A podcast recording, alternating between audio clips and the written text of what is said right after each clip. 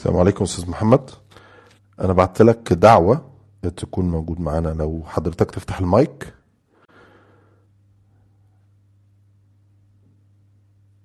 آه، حضرتك بس افتح المايك بتاعك عشان نعمل test صوت.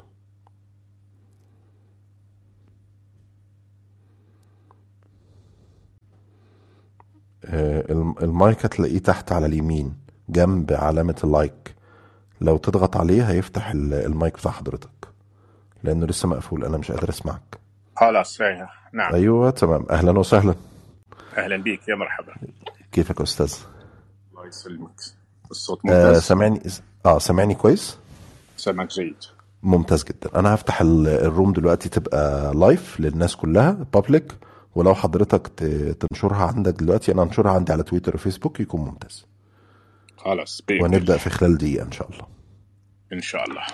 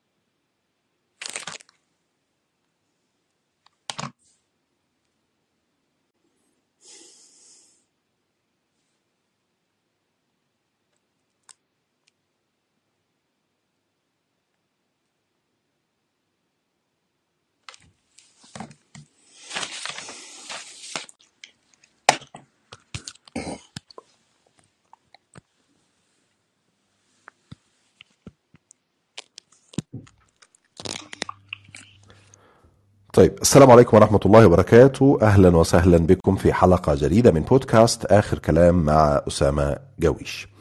الحقيقة الحلقة النهاردة مختلفة جدا لأن إحنا بنناقش أحكام قضائية في دولة كبيرة دولة عربية كبيرة مثل الجزائر صدرت منذ أيام قليلة بحق يمكن أن يسميهم البعض معارضين جزائريين يمكن أن يسميهم البعض رموز وطنية جزائرية وهناك بعض المواقع الإخبارية العربية أسمتهم قياديين في جماعة الإخوان المسلمين.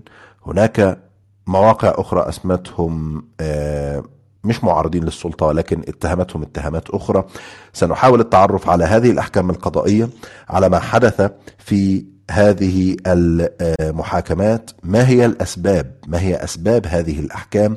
لماذا في هذا التوقيت تحديدا يعاقب أو يحاكم هؤلاء المواطنين الجزائريين؟ هم في يعني في البداية في الأول وفي الآخر بالمصرية العامية هم مواطنون جزائريون.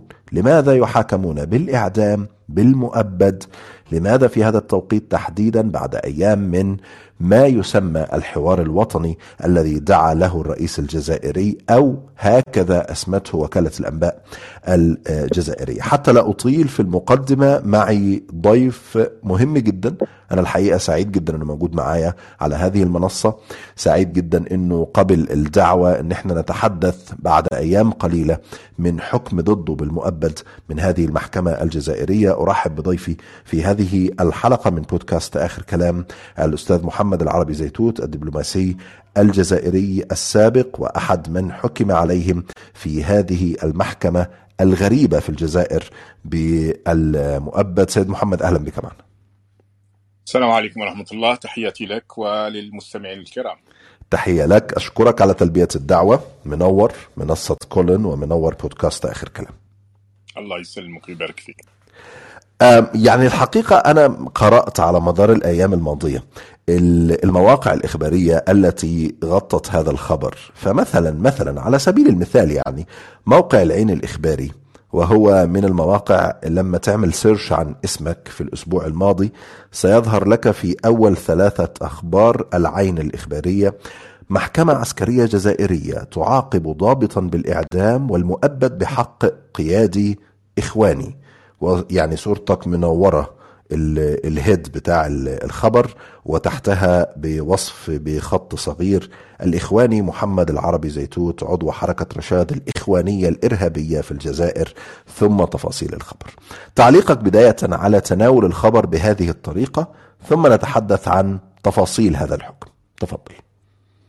آه، تعليق هو أنا مؤخرا سمعت بهذه ال- الجريدة أو الموقع اللي آه، يسمى العين. آه، المساعد أخبرني من أن هناك موقع ينشر كثير من الأكاذيب وكثير من الكلام التافه والفارغ وقال من أن هذا موقع إماراتي. والحقيقة أن الإمارات منذ سنوات طويلة في الحقيقة آه، لا نأتي لها على عين يعني بمعنى أنها تهاجمنا سرا وعلنا. وكانت لديهم جريدة هنا تسمى جريدة العرب تخصصت في التهجمات آه، علينا حتى هددناهم برفع قضية إلى القضاء فخنسوا وسكتوا وبدأت هذه الم- المواقع من داخل الإمارات لأنهم يعرفون لا قانون هناك فأصبحوا يكررون ويقولون أكاذيب.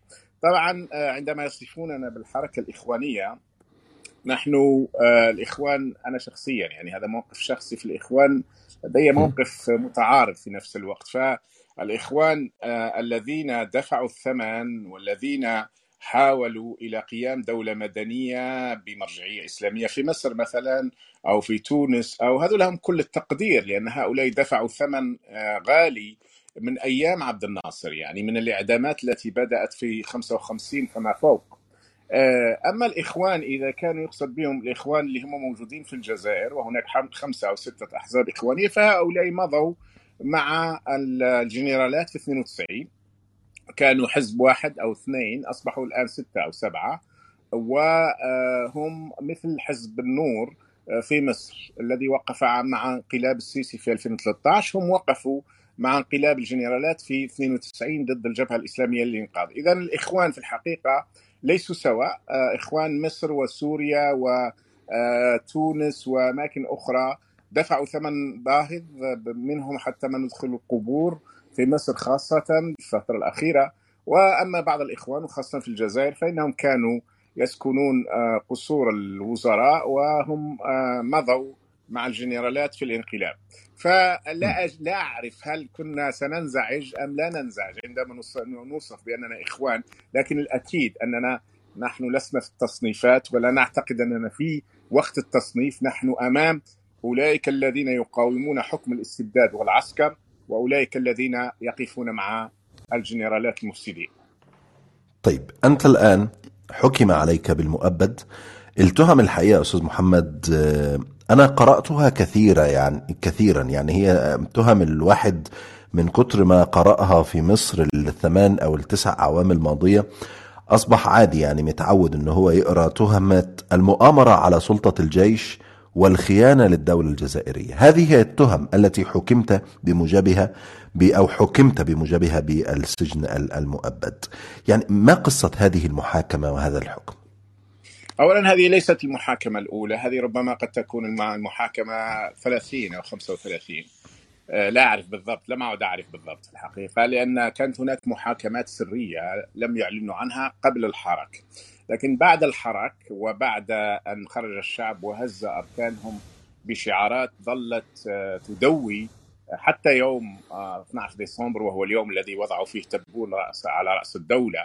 فكانت دائما الشعارات قوية جدا وخاصة شعار دولة مدنية مش عسكرية أي دولة مدنية لا عسكرية. ويسقط حكم الجنرالات وجنرالات إلى المزبلة. كل هذه الشعارات هزت أركانهم بشدة في الحقيقة.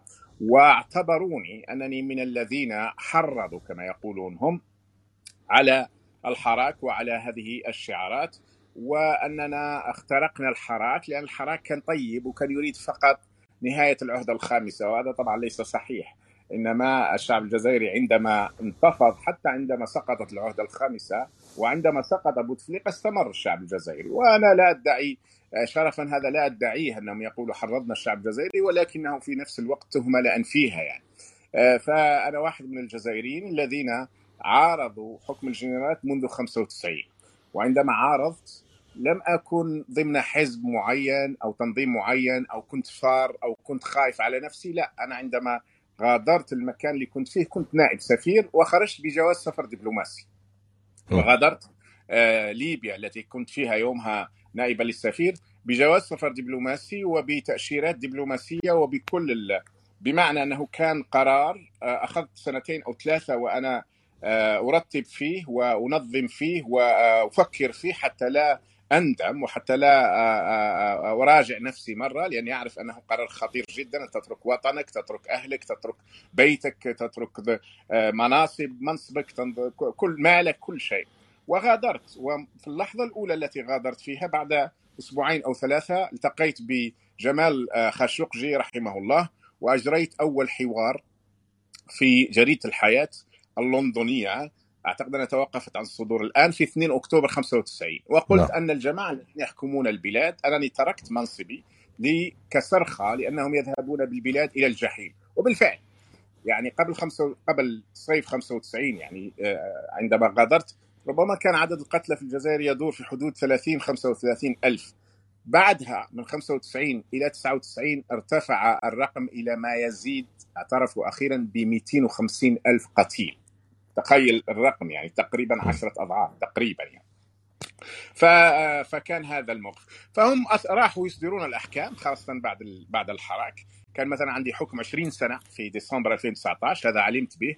لكن من بعد راحت تتراكم الأحكام إلى درجة أني لم أعد أعرف كم عددها وكم عدد السنوات وما هي التهم. لكن إجمالا هي تهم تدينني أني أريد تغيير نظام الحكم.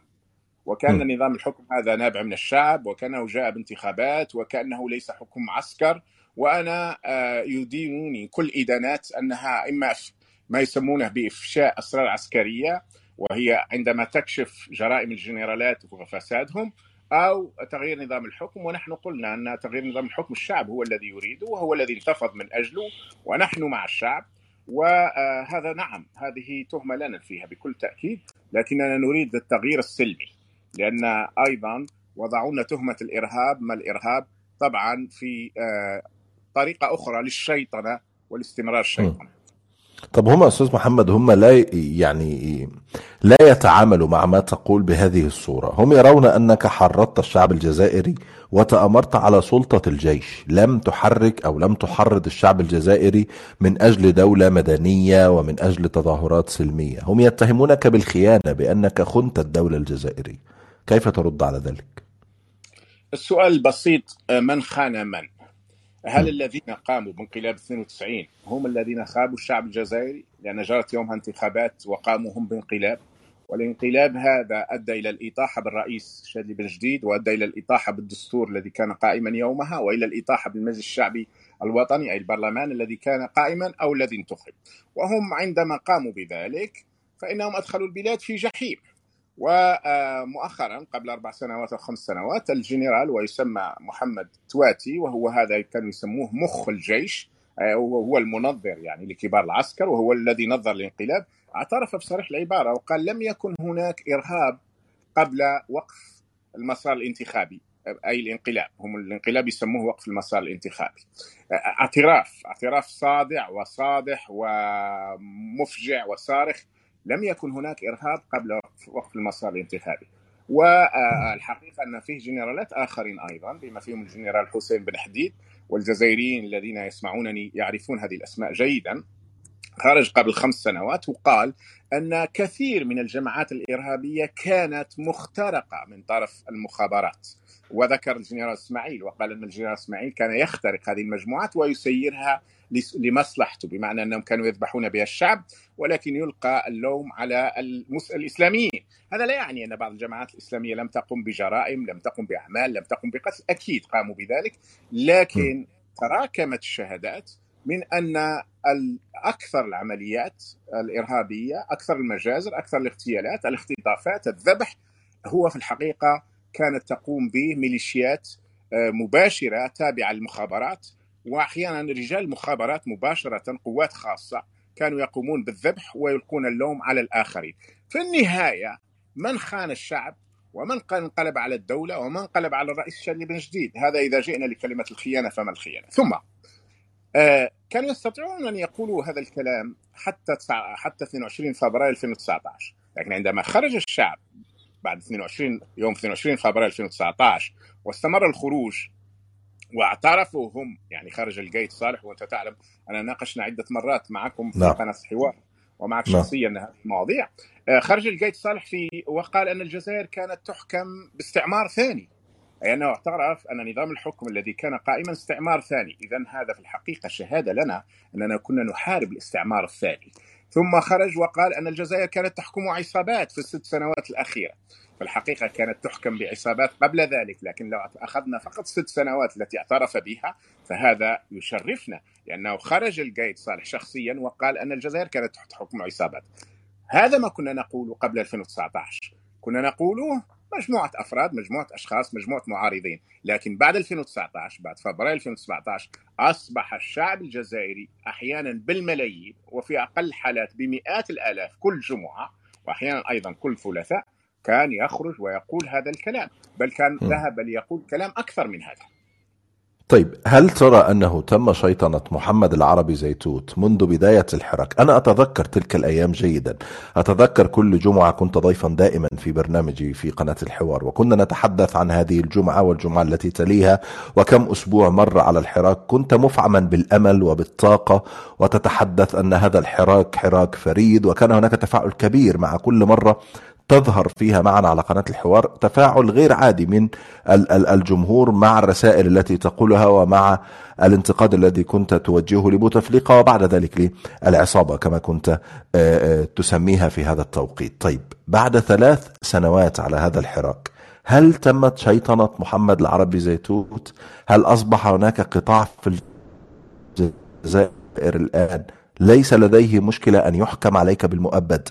فقط لأنك كنت ودعني أسمي الأمور بمسمياتها كنت أحد قادة هذا الحراك من الخارج؟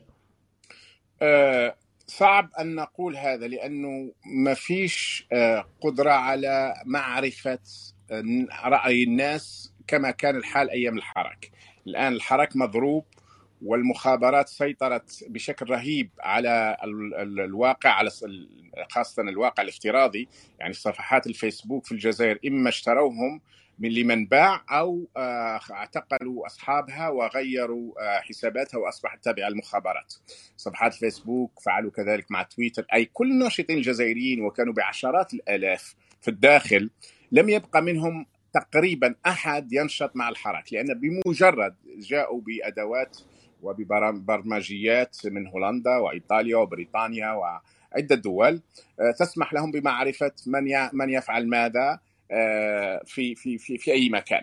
فقاموا اذا بتوقيف عشرات الآلاف من الصفحات. الفيسبوك بالمناسبة تواطأ معهم على الأرجح الإدارة في الإمارات هي التي تواطأت معهم. واغلقت أغلقت أو استبدلت عشرات الآلاف من الصفحات فأصبحت ضد الحراك أو أغلقت نهائيا لمن لم يستطيعوا أن يأخذوا من عندهم الحساب. اذا وقع هذا في في الفيسبوك. فلو نظرنا للفيسبوك تستطيع أن تقول نعم لقد اقتنع بعض الناس بشيطنتي. لكن هذا فقط في الحقيقة هذا ليس دقيق لأن الدقة تظهر عندما يكون الشعب قادر كما كان حتى شهر ستة الماضي لأن آخر شهر خمسة آخر مظاهرات كانت في شهر خمسة الماضي العام الماضي. لو خرج الحراك وشفنا الموقف ممكن. هذا لا يعني أنه لا يوجد من خدعوهم. موجودين ولا يعني من يوجد من لا من لديه مشكلة في الايديولوجيا أو في السياسة. فهو يفضل أن يبقى حكم العسكر على أن يأتي خصومه في السياسة أو في الإيديولوجيا، البعض يفضل ذلك، يعني لماذا يفضل ذلك؟ لأنه يستطيع أن يبتز العسكر ويستطيع أن يقول أن هذا نظام عسكري، لكن إذا جاء وتغير الحال وجاءوا آخرين فإنه من الصعب أنه يقول هذا حكم عسكري عندما يكون الاختيار شعبي.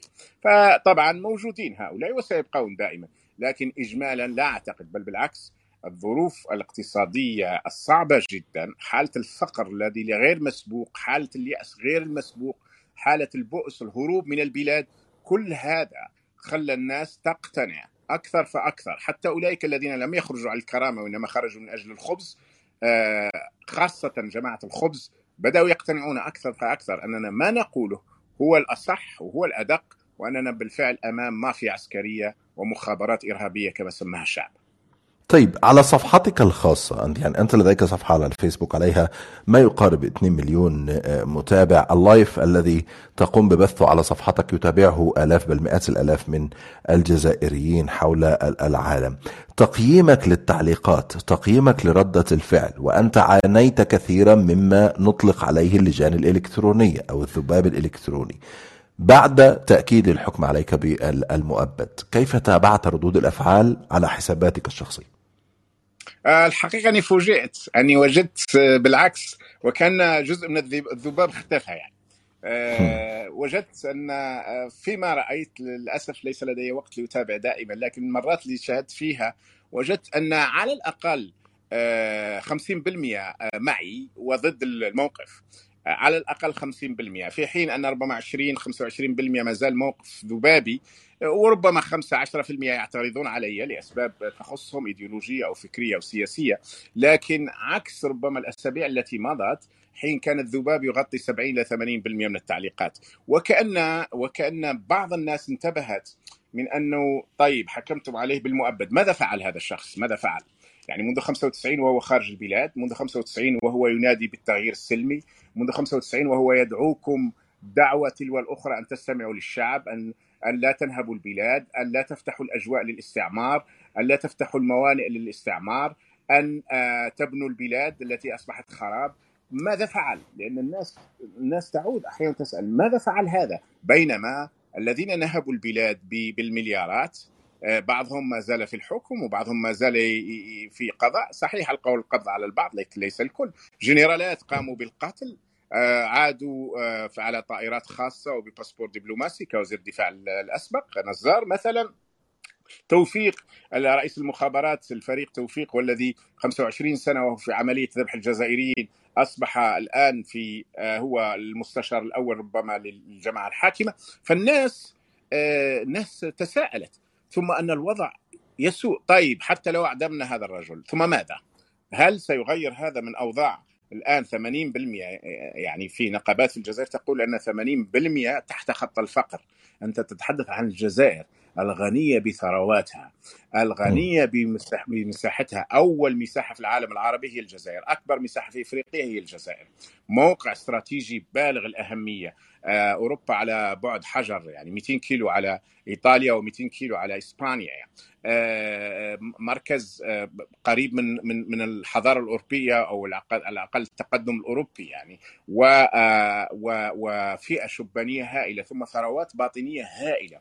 ليس فقط البترول والغاز والمياه والذهب والأورانيوم وأشياء أخرى. يعني المعادن الثمينة الآن والمعادن الخاصة تكتشف في الجزائر بكميات هائلة. طيب هذا البلد بكل هذا الغنى أو هذا الثراء لماذا أغلبية شعبه إما فقراء أو على أبواب أن يصبحوا فقراء؟ ولماذا يهرب منه الناس؟ ولماذا يغرق؟ بالأمس فقط غرق حوالي 30 جزائري بما فيهم نساء بما فيهم حوامل غرقوا في البحر لأنهم هاربين إلى إيطاليا وإسبانيا. لماذا؟ بس عارف أستاذ محمد ما هو لماذا ده ممكن برضو يتسأل لك الحقيقة؟ أنت وكل من يعارض السلطة الحالية يعني. لماذا يعني تستمرون في معارضة النظام؟ يعني حاولتم منذ الخمسة وتسعين وحاولتم بعد ذلك وحاولتم مع بوتفليقة وحاولتم أثناء الحراك وحشدتم الناس وحرضتم الشعب الجزائري ثم كان هناك أمر واقع ورئيس جزائري منتخب وبدأت الأمور في الاستقرار. يعني لماذا لا تتعاملون مع السلطة الحالية؟ لماذا تصرون على الاستمرار في نفس المسار الذي دعني يعني أواجهك ببعض التعليقات أو بعض التحليلات الذي فشل من وجهة نظر كثيرين؟ والله شوف آه والله لو كان لي عمر سيدنا نوح لاستمريت آه لأنه في النهاية آه القضية فيها عدة مستويات. هناك من يرى أنه آه أنتم لم تنتصروا هذا النظام هو الذي انتصر. اولا لم ينتصر نظام اينما انتصر؟ يعني النظام هذا اليوم يحكمنا مثل ما يحكم السيسي المصريين. وقوانين يعني اي واحد يخرج يتعارض أو يرفع شعار يختطف. واحيانا يعتقل ويعذب بما فيها الاغتصاب بما فيها الاغتصاب ما هم بال... بالمناسبة هم بيقولوا إن السيسي انتصر على فكرة لو يعني هم شايفين إن السيسي انتصر. الذين يقولون السيسي انتصر لا يفهمون لا يفهمون في معارك الشعوب يعني الذين يقولوا قالوا إن السيسي انتصر هم الذين قالوا عندنا إحنا في الجزائر في 1870 و 1880 أن فرنسا انتصرت. لأن بعد 50 سنة من المقاومة الجزائرية يومها انتصرت فرنسا وسيطرت إلى حد مع البلاد. لكن جاء جيل فيما بعد استمر النضال واستمرت المقاومة السلمية ثم جاءت مقاومة مسلحة وخرجت فرنسا. الشعوب لا تقاس بعمر البشر. شعوب قياسها يعني بالأعمار ماهيش بخمس سنوات وعشر سنوات. ثم القضية ما معنى تنتصر؟ ما هو النصر في النهاية؟ ما هو النصر؟ هل النصر هو أنك تهزم العدو حتى ولو لم تكن لك انت قيم ولم تكن لك أخلاق ولم تكن مثل ما فعل السيسي مثلا بأعدائه الاخوان والثورة المصرية عموما. يعني أول أول علامات النصر يا أستاذ محمد أن تحقق أهدافك أو جزء من أهدافك. من قال لك أنك ما حققش أهدافك؟ يعني الشعب الجزائري ألغى انتخاباتين. يعني أنا أنا أمامي رجل أنا أمامي رجل حاورته أثناء الحراك وكنا نتحدث عن قرب انتصار الشعب الجزائري والآن نتحدث بعد ثلاث سنوات وهو حكم عليه بالمؤبد. أين الانتصار في هذا؟ الانتصار هو الثبات. أولا الانتصار هو الثبات. ثانيا القضية بالنسبة إلينا إحنا جاءت الكورونا. وجاءت الكورونا هذا كان أمر رباني ربما تدخلت فيه بعض البشر لكي لحساباتهم الخاصة لكن جاء أمر رباني ووقف الحراك. لم يكن الحراك ممكن أن يستمر والكورونا كانت تصيب الآلاف ثم أصبحت تصيب عشرات الآلاف في الجزائر. فكان طبيعي أن نتوقف. الأمر الثالث السؤال الذي يطرح هل الشعب هل هم يستطيعون أن يتركوا الشعب يخرج؟ وسيرون كم سيخرج. سيخرج ملايين من الناس. وأنا نقول لك الشعب سيخرج سيخرج. ستتذكر هذا الكلام ربما بعد أشهر أو سنة أو سنتين. لكن القضية الآن هل سيخرج سلميا أم سيخرج أولئك الغاضبين والجائعين والمعطلين اللي ربما يكون رد فعلهم قد يكون عنيف؟ هذا أول السؤال الانتصار ما هو الانتفاضة التونسية أو الثورة التونسية انتصرت في عدة سنوات ثم قام عليها الانقلاب. لأن هناك إرادة إقليمية تقودها الإمارات والسعودية ثم التحق بهم السيسي لكي يتم تحطيم أي شعب يريد كسر قيود المستبد. مصر انتصرت لمدة سنتين. انتصرت صحيح. أقول لك حاجة يا أستاذ محمد. نعم. طيب أنا أنا لو أني الآن ونحن على الهواء مع معا فتحت تويتر وكتبت الآن على أي هاشتاج موجود في الترند في مصر أن الشعب المصري سينتصر وسيخرج إلى الميادين لو بعد شهر أو شهرين أو سنة أو سنتين. يعني أنا أنا عايز أقول لك إن ناس من نفس المعسكر المعارض لهذا النظام هيدخلوا يقولوا لي لا كفاية بقى. أنت بتقول لنا أمل وبتدونا أمل وهذا لن يتحقق. أنتوا بتقولوا الكلام ده من 2013 ولم يحدث ولا زال السيسي رئيس للبلاد. يعني أنت كيف تتعامل مع هذه المعضلة؟ تمام. أنت مؤمن ببعض المبادئ وثابت عليها وتدفع ثمن وتضحي من أجلها لكن في نفس الوقت القطاع المعسكر اللي منتظر منك الكثير بيشعر بعد فترة بالإحباط. لو قرأت مذكرات انصح أنصحهم أن يقرأوا مثلا دعنا نذهب إلى واحد محايد يعني مذكرات نيلسون مانديلا. نيلسون مانديلا طبعا ما هو محسوب لا على العرب ولا على المسلمين ولا على المؤمنين ولا يعني رجل إفريقي مناضل. لو قرأت مذكراته ستشعر كيف كان هناك مرارة شديدة. كان كان كان كانت تمر عليه أيام وأشهر وسنوات مرت عليه في مرارة شديدة جدا وهو يسمع بعض أنصاره أو بعض الذين كانوا معه أو زملائه يقول له خلاص نحن لن ننتصر هذه هزيمة منكرة نحن السود سنبقى كما نحن علينا أن نعترف بأن هذا النظام أقوى منا. وعلينا أن نخضع وأن نحسن شروط العبودية. بينما كان نيلسون مانديلا وقليل جدا بالمناسبة كانوا قليل جدا بقوا على مبادئ لا نحن سننتصر في النهاية. حتى وهو مسجون كان يراسل بعض الزملاء ويقول لهم نحن سننتصر في النهاية. فيقولوا هذا جن هذا الرجل مجنون سيموت في السجن. وهو يقول لنا نحن سننتصر. يعني نيلسون مانديلا كان هنا في بريطانيا يعتبرونه إرهابي عالمي. وكانت بريطانيا تساعد النظام العنصري. وكانت ال ANC معتبرة آه، آه، حزب إرهابي. وإلى آخره. لكنه بعد سنوات دخل بريطانيا واستقبلته الملكة في زيارة دولة دامت ثلاث أيام أو أربع أيام وخرج بريطانيا اللندنيين الملايين خرجوا يستقبلونه. رغبة فيه يعني حبا وعلى آه، ثباته. الذين الناس مش كيف كيف وأنا وأنا أتفهم أولئك الذين يوجد لهم أحبائهم وأصدقائهم. بالمناسبة أنا لدي شقيقي له رهينة عند عند العسكر يعني ما أخذوه فقط لأنه شقيقي فقط ليس ويهددون الآن حتى بأخذ آخرين يعني بما فيهم الوالد والوالدة اللي هم فايتين 80 سنة ومرضى يهددون في لحظة معينة بالاعتقال آه، تخويفا لي أو ترهيبا لي هكذا يعتقدون. آه، أنا أتفهم أولئك الذين خسروا احبائهم طب يعني قبل قبل ما نتكلم على نقطة تانية بس نقطة عائلتك وشقيقك وتهديدك بالوالد والوالدة ربنا يحفظهم يعني. انت أنت بتتعامل إزاي مع ده؟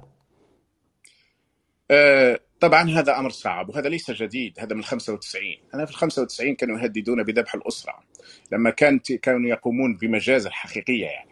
لكن أه أنا خرجت وقلت لهم والله لو ذبحتهم واحد واحد وكان لكل واحد 70 روح وكانت الوالدة تكلمني مرة أخذوها البوليس في آه، نهاية 95 بداية 96 وأخذوها عند البوليس وقالوا لها تقولين له أن يتوقف وإلا ستدفعون الثمن. فقلت للوالدة وهي عند البوليس. ولم أكن أعرف أن عندهم لكن شككت. قلت له والله يا والدتي لو عندك سبعين روح خرجت روح روح ما أنا متوقف. كانوا قبلها بثلاث أيام أربع أيام ضغطوا عليهم ضغط شديد. لما استمعوا إلى هذا الكلام قال اذهبي أيتها المرأة إلى بيتك اذهبي. فذهبت إلى البيت وظلوا لأشهر لم يقتربوا من البيت فهموا جيدا أنه بالفعل لو يذبحونهم واحدا واحدا فأنا لن أتردد أن أستمر في المعركة وأنا قلت لهم هم حاولوا يحاولون معي هنا وجاءت تهديدات وحتى قبل في شهر ثمانية الماضي على حين كنت في ال live جاء البوليس البريطاني والقوات خاصة مسلحة وأنت تعرف نعم. البوليس هنا لا يحمل أسلحة لكن جاءت قوات مسلحة خاصة وضربوا الباب وطلبوا من آه، آه، ابني وزوجتي الذين فتحوا لهم الباب أن يأتي فقالوا لهم أنه في live قالوا لهم لا يجب أن يأتي الآن ونتحدث إليه وقالوا حياتك في خطر ووصلتنا معلومات ممكن أن تنهي حياتك يعني. فقلت أنا لن أغادر بيتي وأنا في نهاية المطاف أنا مؤمن أنا مؤمن وقلتها لهم حتى ترجمتها لهم يعني. قلت لهم أنا مؤمن ونحن عندنا قاعدة تسمى قل لن يصيبنا إلا ما كتب الله لنا. قلت لهم إحنا هذه آية ممكن خلينا نسموها عندكم أنتم قاعدة. هذه قاعدة نحن نؤمن بها أنه لن يصيبنا إلا ما كتب الله لنا. ورفضت مغادرة بيتي وما زلت تحت التهديد حتى هنا وما زال بيتي تحت التهديد وأنا قابل ما سيصيبني. سيصيبني في نهاية المطاف. أنا مؤمن بهذا. أنا معتقد في هذا أنه إذا كان هناك شيء سيصيبني فإنه لو اجتمعت كل البشر لن يستطيعوا أن يمنعون عني ذلك. والعكس صحيح. هذا المبدأ إذا أخذناه وتأكدنا منه فالناس على الأقل ضمائرها تكون مرتاحة وتثبت في المعركة والمعركة مش سهلة. وبالمناسبة الترغيب أكثر من الترهيب. الترغيب أكثر من الترهيب. يعني فيه ناس أعرفهم عندما رهبوهم آه ثبتوا ولكن عندما رغبوهم بمنصب سفير ومنصب وزير ومنصب كذا لم يثبتوا للأسف. أعتقد أن هذه نقطة هامة.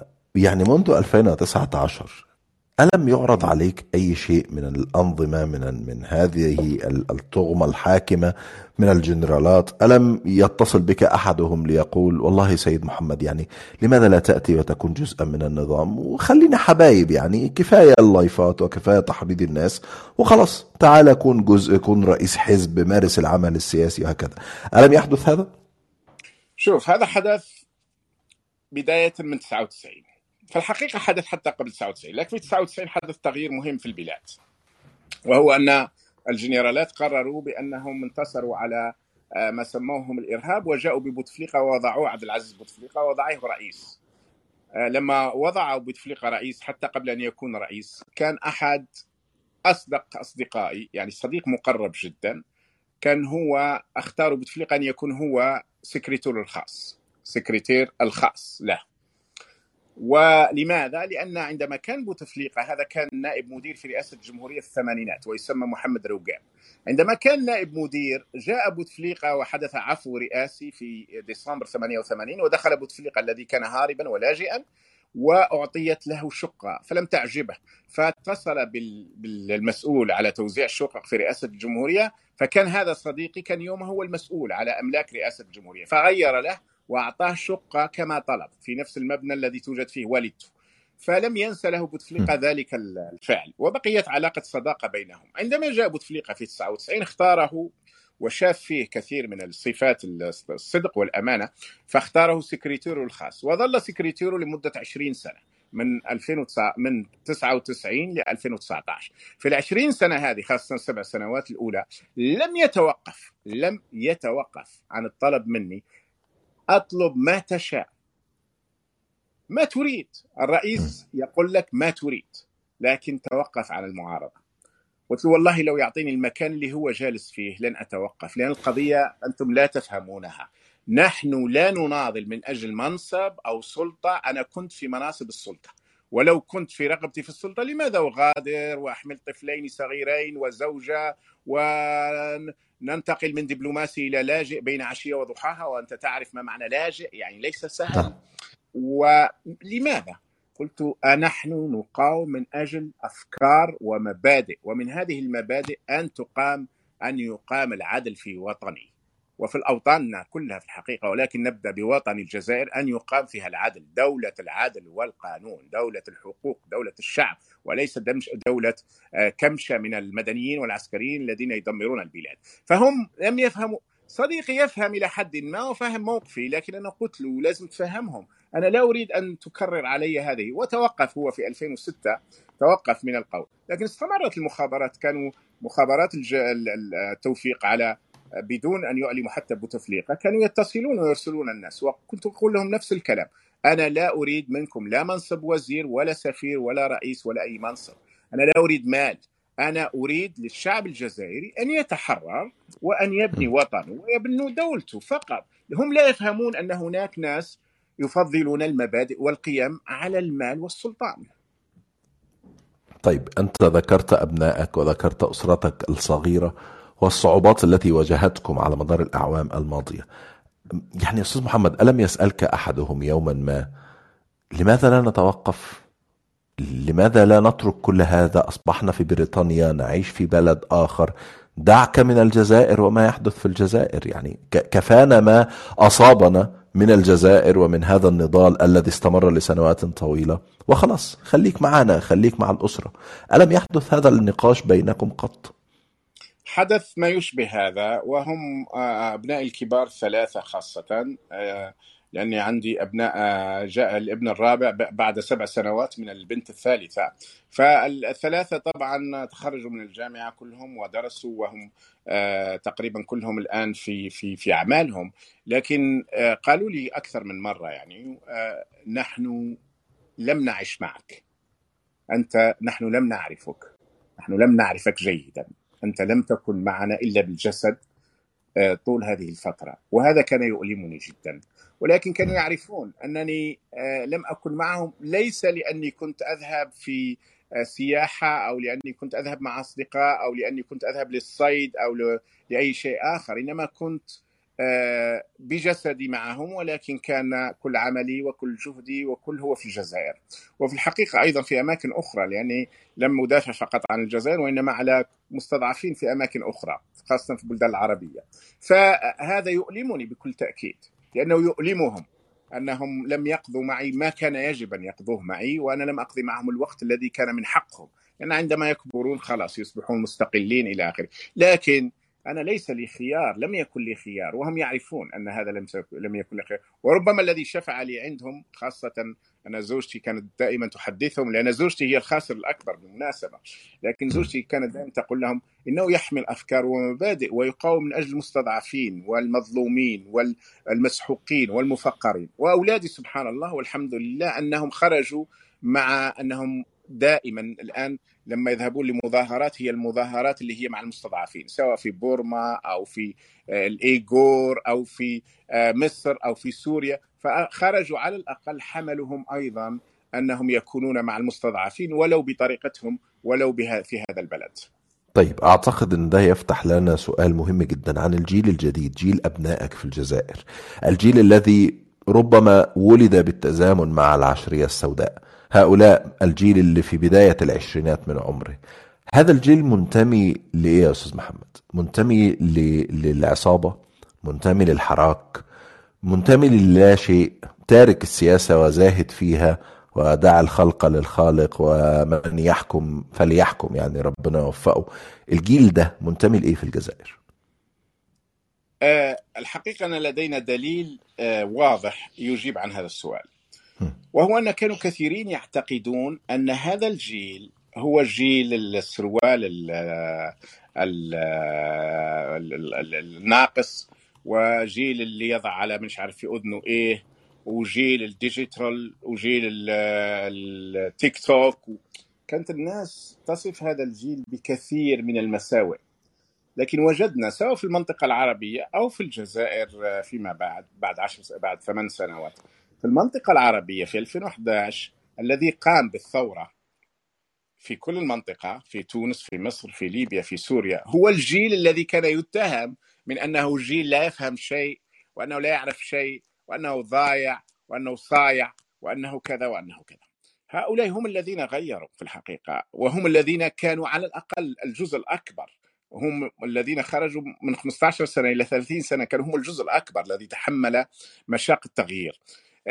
في الجزائر كان يقال على هذا الجيل من أنه هذا جيل المخدرات وجيل مش عارف ترامادول وجيل مانيش عارف الصاروخ وجيل وجيل لكن وجدناهم أنهم هو القوة الرئيسية التي زلزلت الأوضاع في 2019 هذه الأجيال فيها خير كثير. برغم كل ما تراه من صور وهذه الصور في كثير من الأحيان تكون القوى الطغيانية تريدها أن تظهر تريدها أن تبرز مثل ما يفعل مثلا بن سلمان الآن في السعودية أو بن زايد أو غيره يريدون أن يبرزوا أن المجتمع له طعم آخر ولون آخر ووجه آخر لكن في الحقيقة أن هذه الأجيال كل مرة تثبت أنها ربما حتى أفضل من أجيالنا.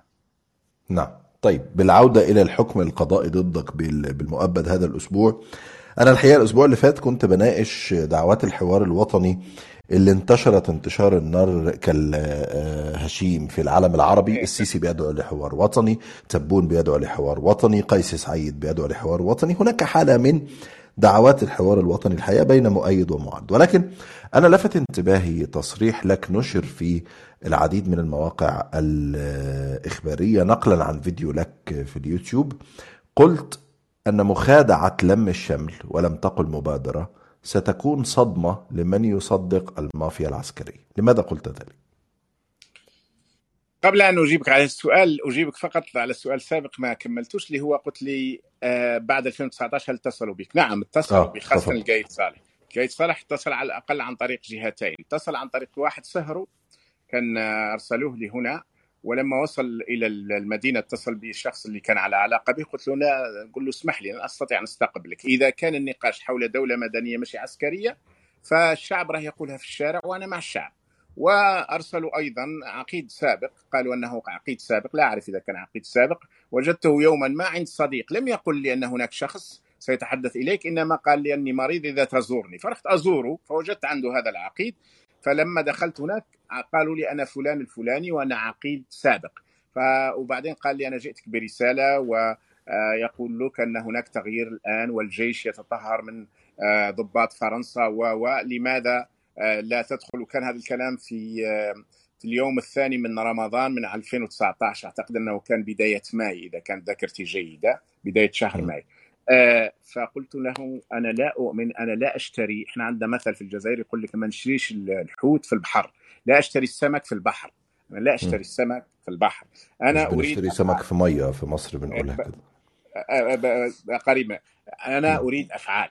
قلت له الأفعال أن يطبق القايد صالح المادة السابعة والثامنة كما تعهد عندما أقدم على تنحية بوتفليقه، إذا طبق المادة السابعة والثامنة والتي هي تؤدي إلى قيام دولة مدنية ولو بعد حين فنحن مستعدين أن نناقش كل شيء وسنناقشه في المعلن. يعني مش في السر. أنا لا أقوم بمناقشات سرية. أنا لا أؤمن بالمفاوضات السرية ولا أقوم بها.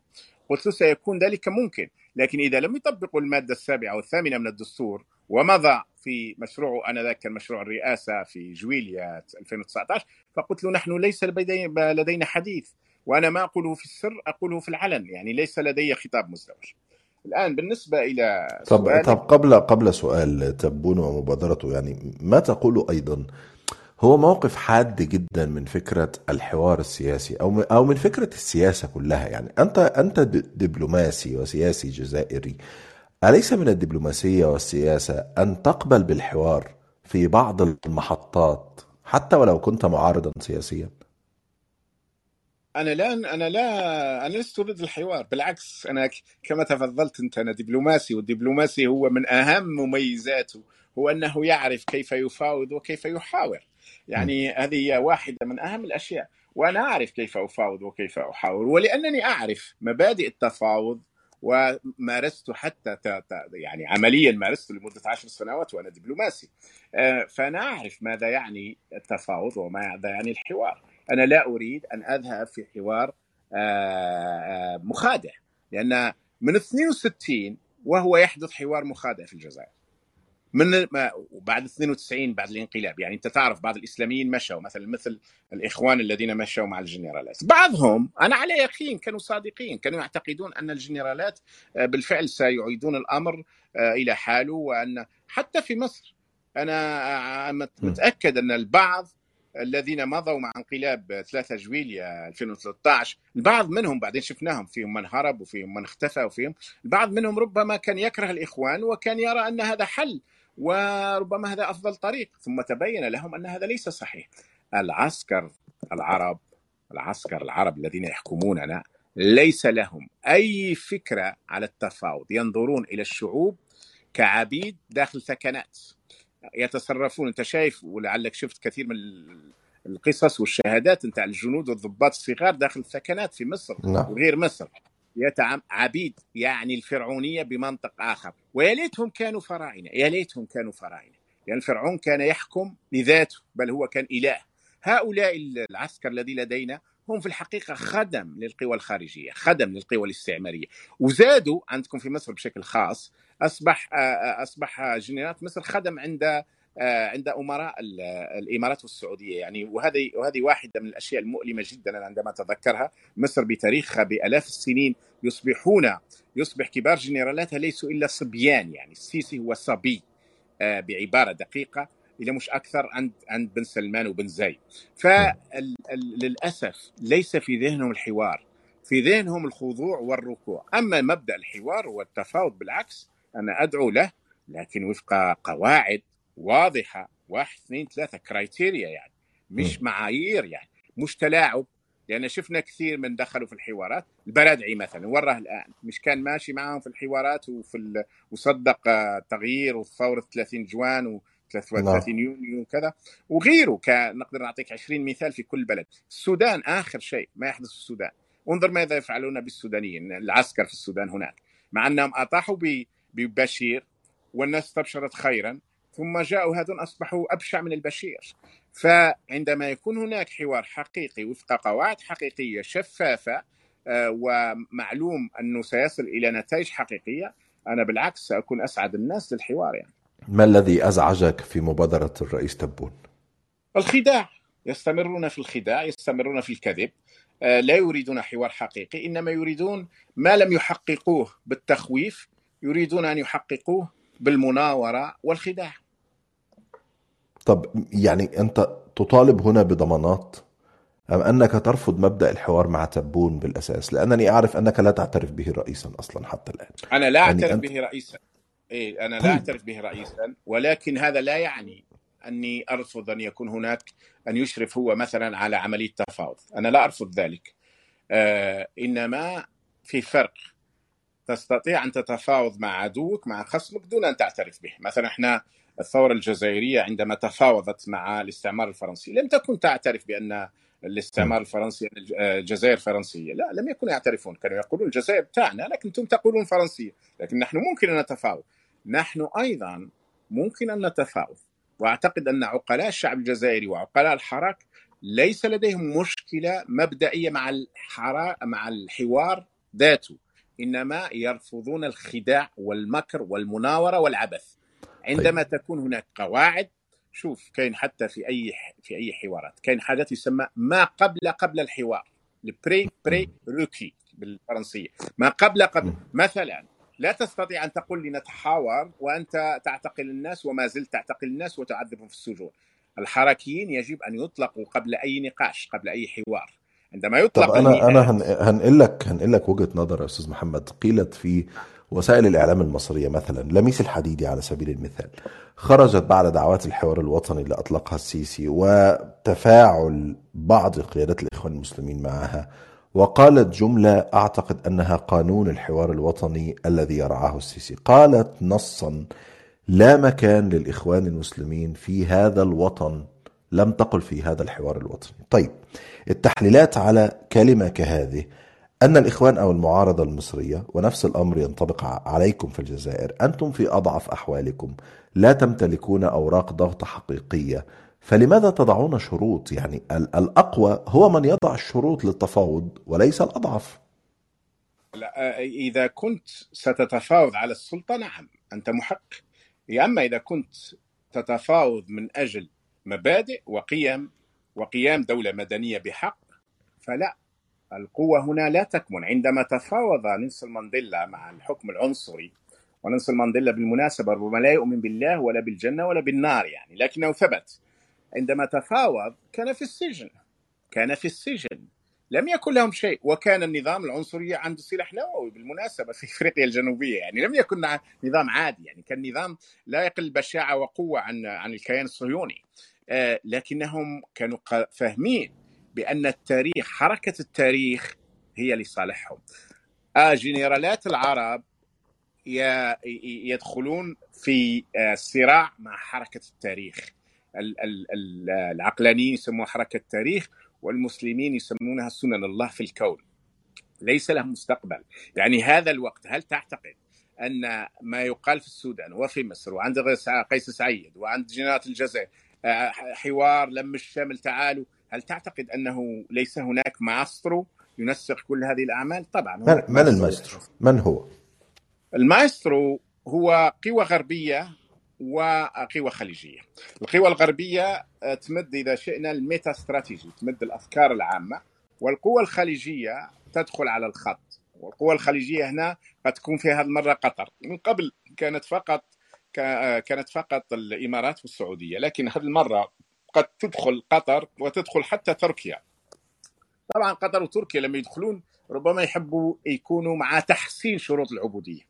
أنت شايف الآن أردوغان رايح على أبو ظبي ورايح على بن سلمان وبن سلمان حتى مستقبله وكأنه هو أنا أنا أنا الحقيقة في الجزائر شايف شيء أخطر من كده طالما ذكرت تركيا وأردوغان. يعني أنا لما أعرف إن تركيا هي من قامت بتسليم سكرتير رئيس أركان الجيش الجزائري السابق قرميد بنويره سلمته من تركيا للجزائر وهي تعلم أن الرجل سيتم إعدامه هناك.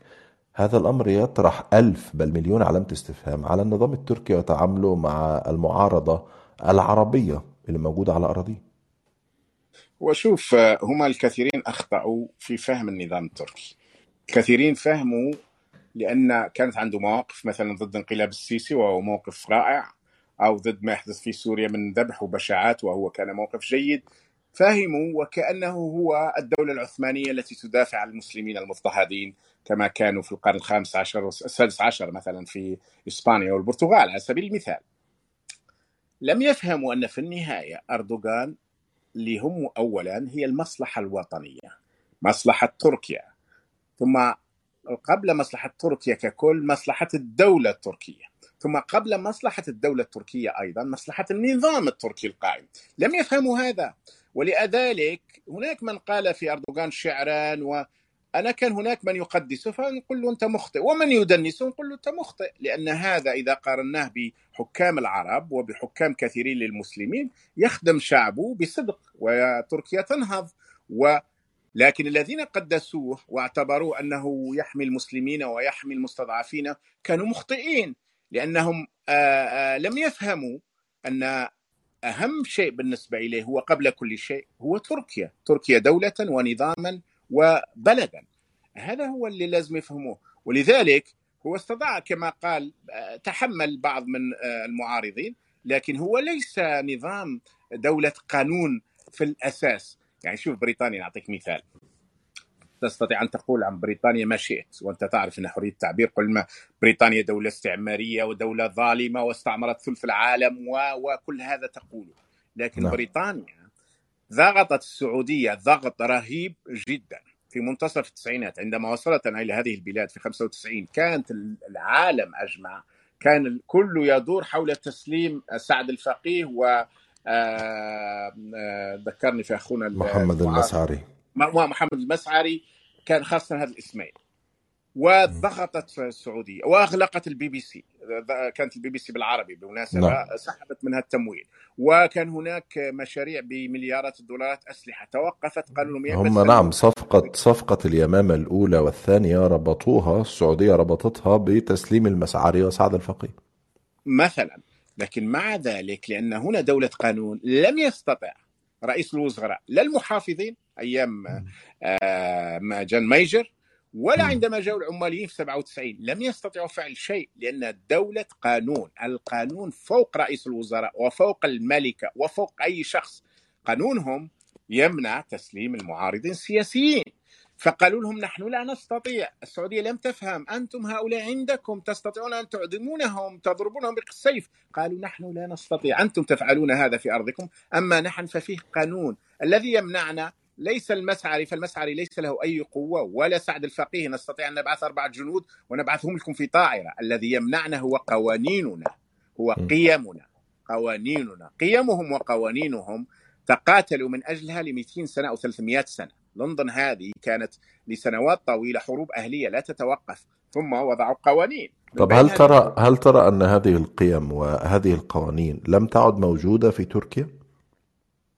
لا تركيا ليست لها هذه القوانين، تركيا عندما سقطت الدولة العثمانية قبل 100 عام حكمها نظام بائس جدا جدا. وصل إلى درجة تغيير اللغة التركية التي كانت تكتب بالعربيه في يوم بين يوم وليلة. أصبح الأتراك كلهم جهالة أميين لا يعرفون ما يكتبون لأنه غير اللغة بالحرف اللاتيني. ومنع حتى الأذان والناس وأصبح الأذان بالتركية ومنع الصلاة ومنع أشياء كثيرة جدا. فتركيا كانت انقلبت من دولة عثمانية تفسخت في سنواتها الأخيرة إلى نظام علماني شديد التطرف.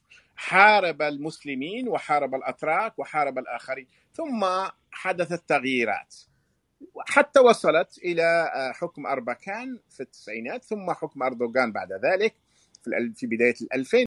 لكن يبقى تركيا راهي ك تستطيع أن تقول أن تركيا هي رضيع في إطار الدولة القانونية. يعني في دولة القانون تركيا هي في مرحلة الرضاعة. يعني تحتاج سنوات طويلة لكي تصل إلى دولة القانون، أنا لا أقول أن لا ترتكب هنا جرائم في بريطانيا ولا يسلمون آخرين، لا يفعلون.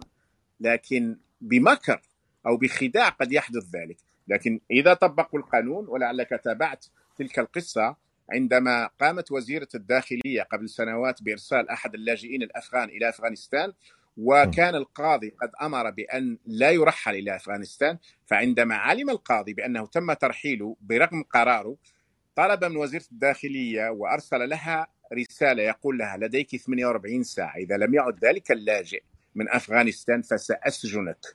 سأسجنك أنت وزيرة الداخلية. أنا سأدخلك للسجن لأنك اخترقت قرار قضائي والقضاء مقدس في هذه البلاد. وراحوا يبحثون عن ذلك الذي هناك وأرسلوا دبلوماسيين وأرسلوا حتى جابوه وإلا كانت وزير الداخلية ستسجن. لماذا؟ القاضي ليس من الأفغاني هو ربما الأفغاني هذا لا ينظر له اطلاقا لسبب لهم هم أن يكون أن يسود القانون عندهم ولا يتحولون إلى ملكيات بشعة أو جمهوريات بشعة كما عندنا هو يعني على كل حال حتى نغلق هذه النقطة يعني ترحيل معارض لبلده الأم والنظام اللي قام بترحيله يعلم يقينا أنه يواجه خطر على حياته بالسجن أو الإعدام أو القتل هي جريمة بموجب كل القوانين والأعراف الدولية. إن قام بها أردوغان فقد أجرم في حق بنويرة إن قام بها آه، بوريس جونسون فقد أجرم في حق هذا اللاجئ الأفغاني. لأنه يعني التعامل مع فكرة اللاجئين والفارين ب- ب- ب- بأنفسهم وحياتهم لا يمكن حتى لا أطيل عليك عايز أختم معاك نعم. بسؤال عن رؤيتك للمشهد في الجزائر بعد هذه الأحكام بعد مبادرة لم الشمل من آه، تبون بعد غياب الحراك عن الشارع لأسباب مختلفة ولكن لفترة طويلة شوف آه سواء في الجزائر أو في مصر أو في أي مكان هذه المبادرات نتاع الحوار ما يراد منها هي تقسيم المعارضين تقسيم المعارضين بين أولئك الذين يقبلون شروط الطغمة العسكرية وربما تحسين شروط العبودية. وبين أولئك المبدئيون الذين يريدون تغيير حقيقي يقيم دول حقيقية وأنظمة سياسية حقيقية تسعد الشعوب في بلاد في بلدانها وتنهض البلدان والشعوب. فهم عم... هذه عملية ما يسموه في التفاوض عزل المتطرفين. بمعنى الذين يرفضون هذه الحوارات سيسمونهم متطرفين وسيضغطون عليهم بكل الطرق. هذا هو المراد من هذا خاصة أن في مصر هناك أزمة اقتصادية ومالية طاحنة جدا وهم يتوقعون ربما ثورة جياع في أي وقت وفي الجزائر الأمر لا ليس بعيدا جدا عن ذلك. وأيضا في مصر وفي الجزائر كان لديهم داعم رئيسي هو بوتين لكلا النظامين. بوتين يغرق الآن في أوكرانيا. وارتكب أخطاء فادحة بما فيها كما ترى انضمام السوي- السويد وفنلندا للحلف الأطلسي بمعنى أنه قرب الحلف الأطلسي أكثر إلى حدوده. فهم فسواء في السودان أو في مصر أو في الجزائر فقدوا حليف أساسي ستكون سنوات ولا المتبقية له. إذا بقيت له سنوات بوتين هو فقط لإمكان أن لا تضيع روسيا وأن لا تتفكك روسيا. وأن لا يأتيهم الحلف الأطلسي داخل روسيا. فهم فهموا هذا. كيف يفعلون؟ يريدون تقسيم المعارضين بين من يقبل ببعض الفتات أو ببعض الوعود الوهمية وبين أولئك الذين يبقون على المبادئ والقيم. هذا هو الذي سيحدث. لكن إذا حدث عكسه وكان بالفعل حوار حقيقي الهدف منه قيام دول مدنية دولة مدنية في الجزائر فنحن سنكون سعداء ولن نعترض ربما قد لا نشارك في البداية لكن إذا شفنا بأنهم بالفعل يتجهون نحو قيام ما يريده الشعب وما خرج وناضل من اجله الشعب فنحن لن نعترض بل سنساند ذلك ما عندناش مشكل حتى ولو بقينا في قوائم الإرهاب كما فعلوا. أنت عارف أنهم طلعونا في قوائم نعم. الإرهاب وكيانات إرهابية إلى آخره. فنحن نعم. القضية ليست شخصية. القضية ليست شخصية. إذا كانوا يريدون الخير تفضلوا ارونا ما هذا الخير الذي يأتي على ايديكم أشكرك شكرا جزيلا. الدبلوماسي الجزائري السابق الأستاذ محمد العربي آه، زيتوت. نورتنا كان حوار شيق كالعادة وكالعادة أنا ما كنت بحاول يعني أتبنى وجهات النظر المخالفة ليك عشان نحصل على أفضل إجابة كعادتك يعني. شكرا أستاذ. طبعا طبعا هذا سعيد وهذا يسعدني دائما شكرا وشكرا لك جزيلا. على نعم، مرحبا بك. شكرا جزيلا للضيف الكريم والشكر موصول أيضا لكل المستمعين الكرام وألقاكم في حلقة جديدة من بودكاست آخر كلام مع أسامة جويش يوم السبت القادم. السلام عليكم. عليكم السلام.